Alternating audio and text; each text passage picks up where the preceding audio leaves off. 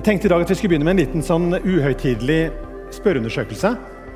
Eh, Spørsmålet er altså om dette vannglasset er halvtomt, eller om det er halvfullt. Skal vi se, En hånd i været de som mener at dette glasset er halvfullt. Høyt opp. En god gjeng med optimister i denne kirka. altså. Veldig bra. Og nå skal jeg ikke spørre dere om å rekke opp hånda, dere som mener at dette var halvtomt. fordi jeg har ikke lyst til å kategorisere noen i denne kirka som pessimistiske. Istedenfor vil jeg heller si at vi har noen realister iblant oss, og vi trenger dere. Noen som er litt mer analytiske. Og så har du sånne som meg, som eh, lett lar seg fyre opp og lett tenker at det, her er det mange muligheter. Det, jeg, vil, jeg vil stemme med den første gjengen som rakk opp hånda. På en god dag. Men på en dårlig dag så vil jeg si hvilket glass? Jeg ser ikke noe glass. I begynnelsen av denne uka her, mens eh, eh, noen gikk i 1. mai-tog, eller sånn som meg, oppdratt til å ikke gå i, 17, i 1. mai-tog eh, Mens vi feira 1. mai i Norge, så fikk jeg være så heldig å være med på en lederkonferanse i Holy Trinity Brompton sammen med 5000 andre. Der er jeg, og eh, rett bak der er Nikki Gumbel. bare sånn, eh, selfie. Ungene mine sier at jeg må slutte å ta de her dumme selfiene. Eh, jeg klarer ikke å ha blikket på riktig sted. Men, eh, men det viktigste er jo at eh, Nikki Gumbel også er med på bildet. Denne her eh, menigheten, Holy Trinity Brompton er altså den menigheten som står bak alfakurset. Og På 30 år så har de nådd svimlende 28 millioner mennesker med det kurset. Men Holy Trinity Brompton driver ikke bare med det. De driver også med teologisk utdanning og menighetsplanting. Jeg gikk på nettet og skulle telle over hvor mange menigheter bare i London er det Holy Trinity Brompton står bak. Og det er 30. 30 menigheter i London har blitt starta som frukt av arbeidet i Holy Trinity Brompton. Og Denne gjengen de lager altså en årlig lederkonferanse. Det er for sånne som fortsatt har noe å lære. Så jeg hadde med meg Chris og Steinar eh, og meg. Vi, eh, vi blei så inspirert, altså. Og Der er det altså folk fra alle kirkesamfunn samla. De var utrolig gode til å få fram historier, til å få fram mennesker. Og på sånne konferanser så blir jeg ganske så gira. Da er glasset ganske så halvfullt, og det er ganske mange muligheter. Og jeg driver og skriver ned ideer i notatboka mi.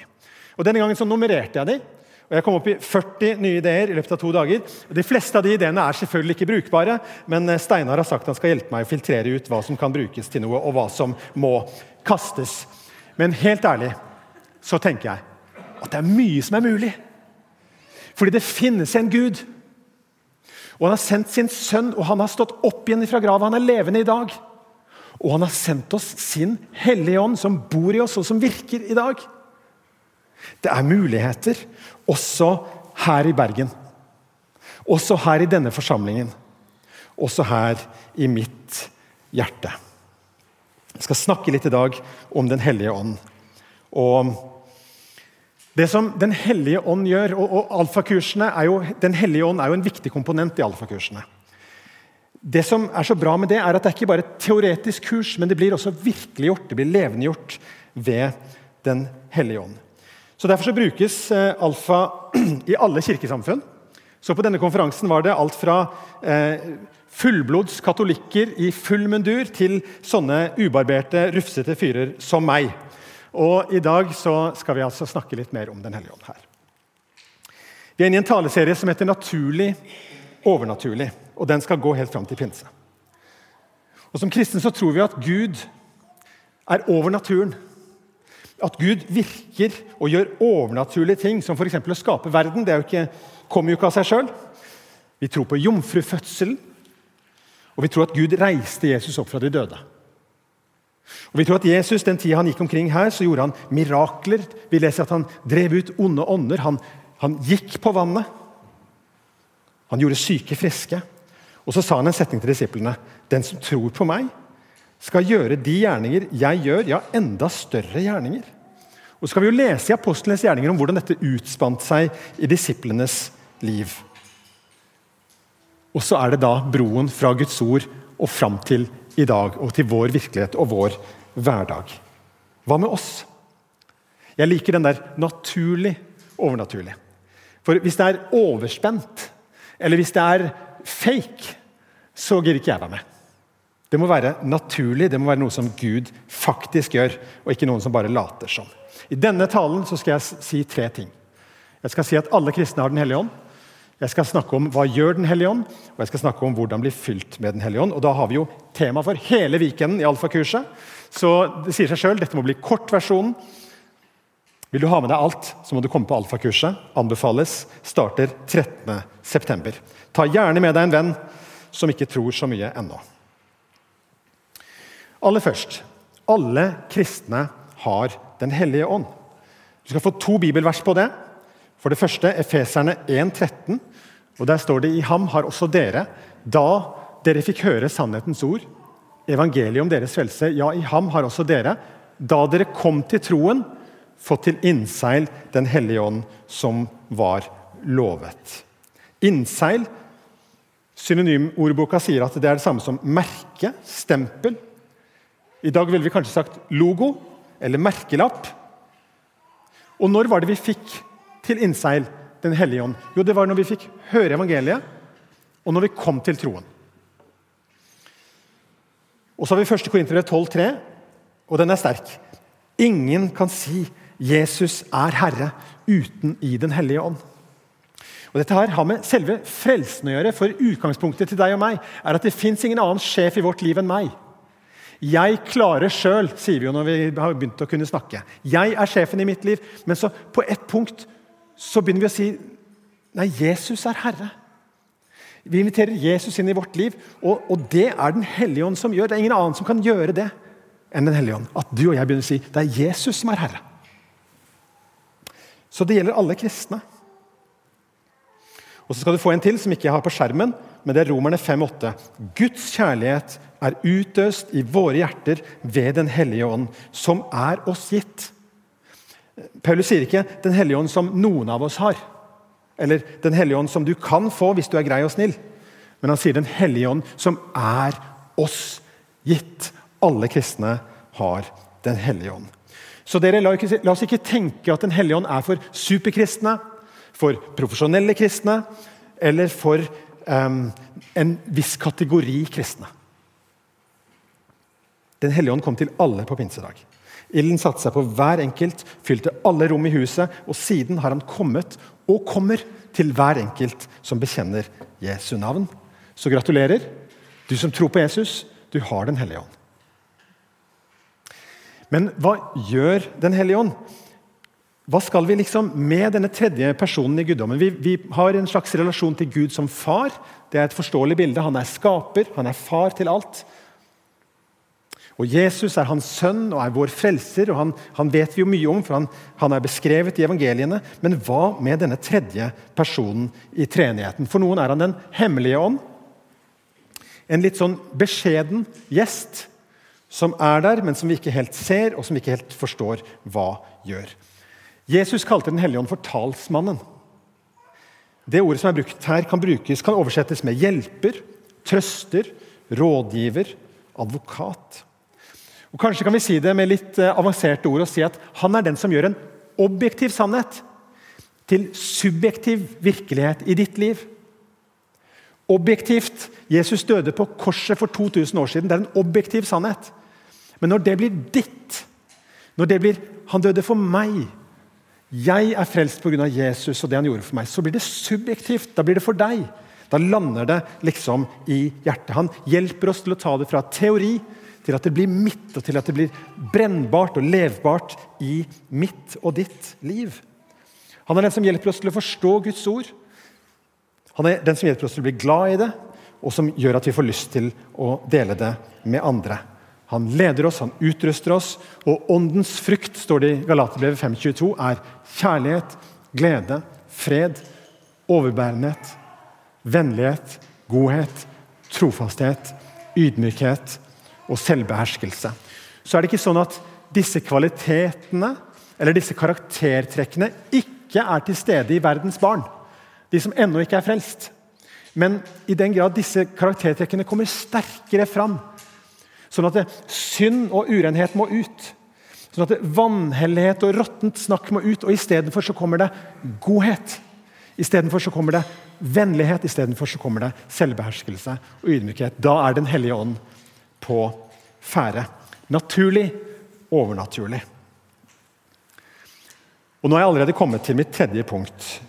Bli fylt av Den hellige ånd. Og Det er jo nesten litt rart at jeg sier eh, hvis det er sånn at vi allerede har Den hellige ånd. Hvordan kan vi bli fylt med noe som vi allerede har? Det er bare ett sted i Bibelen at det står 'bli fylt av ånden' som et imperativ, som en oppfordring, og det er i Efeserbrevet 5,18. Og Hvis noen av dere tror dette bare er for de dagene hvor du er inspirert og har vært på konferanse, eller for de dagene hvor alt er lyst og lett og du bare sier ja, jeg, alt er bra, alt, alt funker Nei, vet du hva? Verset her står i en kontekst hvor det står at for dagene er onde. Det står Drikk ikke drukne på vin.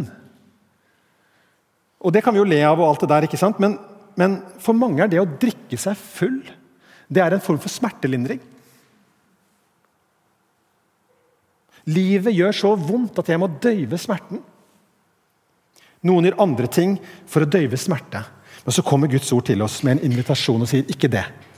Bli heller fylt av Ånden. Ikke vær selvdestruktiv. Men la Guds ånd få komme inn i ditt liv med sin skapende kraft. Bli fylt av Ånden. Og så må vi lese i Det nye testamentet for å forstå hva dette er. For Det er ikke noen sånn klar beskrivelse, men, men i både evangeliene og i apostlenes gjerninger så er det flere episoder og personer som blir fylt med Den hellige ånd. Eh, også i Det gamle testamentet, den, den første som blir fylt av Den hellige ånd, er en håndverker. Besalel. Han blir fylt med Guds ånd fordi han skal drive med, eh, med håndverk og lage tabernaklet. Og,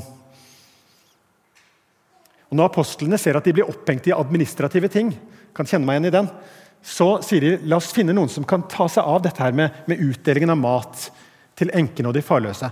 La oss finne noen som kan gjøre det. Og da sier de la oss finne noen som er full av ånd og visdom. Så Det å være fylt av Guds ånd er altså ikke for, eh, for predikanten og bønnekjempene og, og, på en måte de profesjonelle kristne eller de som er på scenen. Bare. Det er, det er den vanlige mann og kvinne. Og Så leser vi altså i evangeliene at uh, Maria ble fylt av ånden. Zakaria og Elisabeth, foreldrene til døperen Johannes. Og døperen Johannes ble fylt av Den hellige ånd fra mors liv av, står det. Og levde jo et ganske uh, spesielt liv. Men så er det altså på pinsedagen at dette blir allemannseie. Alle disiplene ble fylt av Guds ånd. Og så står det flere ganger utover apostlenes gjerninger disiplene ble fylt med Guds ånd. Ofte handler det om bønn, ofte handler det om frimodighet i forbindelse med å dele Guds ord eller å utfordre. En gang står det og disiplene ble fylt med glede og Den hellige ånd. Den er min favoritt. Og så er det kanskje rett å si at du kan ikke få mer av Gud men kanskje Gud kan få mer av deg. Du kan ikke få mer av Gud. Gud er allerede alle steder. Gud er allerede stor. Du har allerede fått Den hellige ånd. Du kan ikke få mer av Gud, men Gud kan kanskje få mer plass i ditt liv. Det trenger i hvert fall meg. Så hvordan kan du og jeg bli fylt av Ånden? I det verset i Efeserne 5,18 så står det om å synge. Det står 'syng sammen'. La salmer, hymner og åndelige sanger lyde. Syng og spill av hjertet for Herren. Så Det er en ting du kan gjøre hvis du ønsker å bli fylt med Den hellige ånd. Så fyll deg med lovsang. Fyll deg med sanger som handler om Jesus. Fyll deg med det. Sett det på og engasjer deg i det. Det er en måte å bli fylt av Ånden på. En annen er å be. Og i Lukas 11, 9-13 så står det Jeg sier dere, be, så skal dere få. Let, så skal dere finne. Bank på, så skal det lukkes opp for dere. For den som ber, han får. Den som leter, han finner. Og den som banker på, skal det lukkes opp for. Finnes det en far blant dere som vil gi sønnen sin en orm når han ber om en fisk? Eller gi ham en skorpion når han ber om et egg? Selv dere som er onde vet å gi barna deres gode gaver, hvor mye mer skal ikke da Far i himmelen gi Den hellige ånd til den som ber ham? Så jeg tenker vi kan bruke munnen vår, stemmen vår, hjertet vårt til å henvende oss til Gud og si 'Jeg trenger mer av deg i mitt liv'. Vi kan rett og slett få lov til å be om å bli fylt med Den hellige ånd. Og så står det altså så sterkt her hvor mye mer? Han vil gi gode gaver. Han gir deg altså ikke en stein når du ber om en fisk, eller en skorpion når du ber om en orm. Nei, det var ikke sånn. Men han, be, han gjør altså ikke det. Enda han ser at vi ikke alltid klarer det der med gaver, så er han god og vil gi oss når vi ber.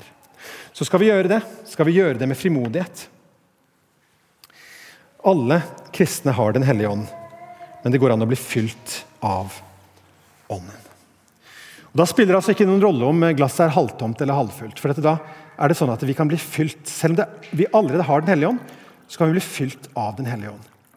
Og Det står i Johannes 7 Noen lurer på om jeg skal fylle helt opp nå?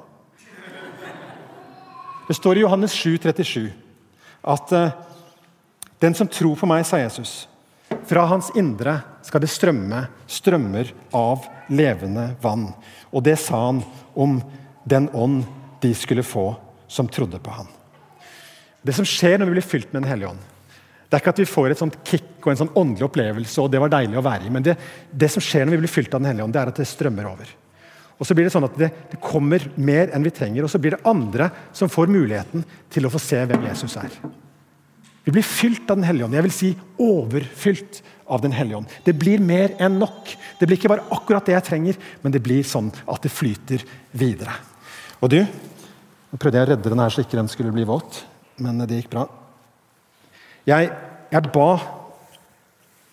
før denne talen sa jeg, hva Helligånd vil du minne oss om i forbindelse med dette som jeg skal si i dag. Og Da fikk jeg et bilde. Og så fikk jeg disse ordene. Vannet finner sin vei. Det har sin kilde ovenfra og følger det laveste punktet. Så jeg vet ikke hva som er det laveste punktet i ditt liv. Jeg vet ikke hva som er det mest smertefulle for deg akkurat nå. Jeg vet ikke om du kjenner liksom at livet ditt det er ikke der oppe. det er sånn, du ser, du ser ikke noe glass engang. Du opplever at det er smerte i livet ditt, du opplever at det er sykdom i livet ditt. Du opplever at 'jeg får ikke dette kristenlivet til'. Vet du hva? Vannet det har en tendens til å komme ovenfra, og så finner det sin vei på det laveste punktet. Hvor er ditt smertepunkt? Hvor er det som du syns er vanskelig? Hvor er det som du ikke får til i ditt liv? Vannet, mine venner. Det har sin kilde ovenfra. Det har ikke sin kilde i deg. Det handler ikke om at du tar deg sammen, det handler ikke om at du ber en riktig formulering. Vannet har sin kilde i Herren Jesus og i Gud Fader. Og så strømmer det fra Han. Og så følger det faktisk det laveste punktet før det renner ut i havet. Det gir meg frimodighet til å si 'Kom, Hellige Ånd'. La oss be.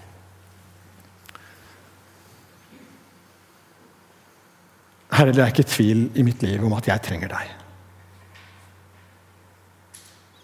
Jeg trenger mer av din kjærlighet. Mer av ditt ransakende blikk. Mer av din tilgivelse. Mer av din kraft. Og Jeg ber om det på vegne av alle oss som lytter nå. At du, Hellige Ånd, må komme. Du som er fra Gud. Du som er Gud. Vi trenger deg i denne forsamlingen. Så takk for at din kjærlighet, Gud, allerede er utøst i våre hjerter ved Den hellige ånd, som er gitt. Men vi ber om at du må øse mer.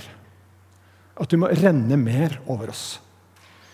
Ikke for at vi skal få et åndelig kick, men for at vi skal bli til mer velsignelse for hverandre og for de andre.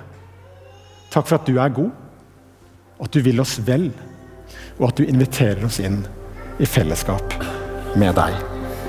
Amen.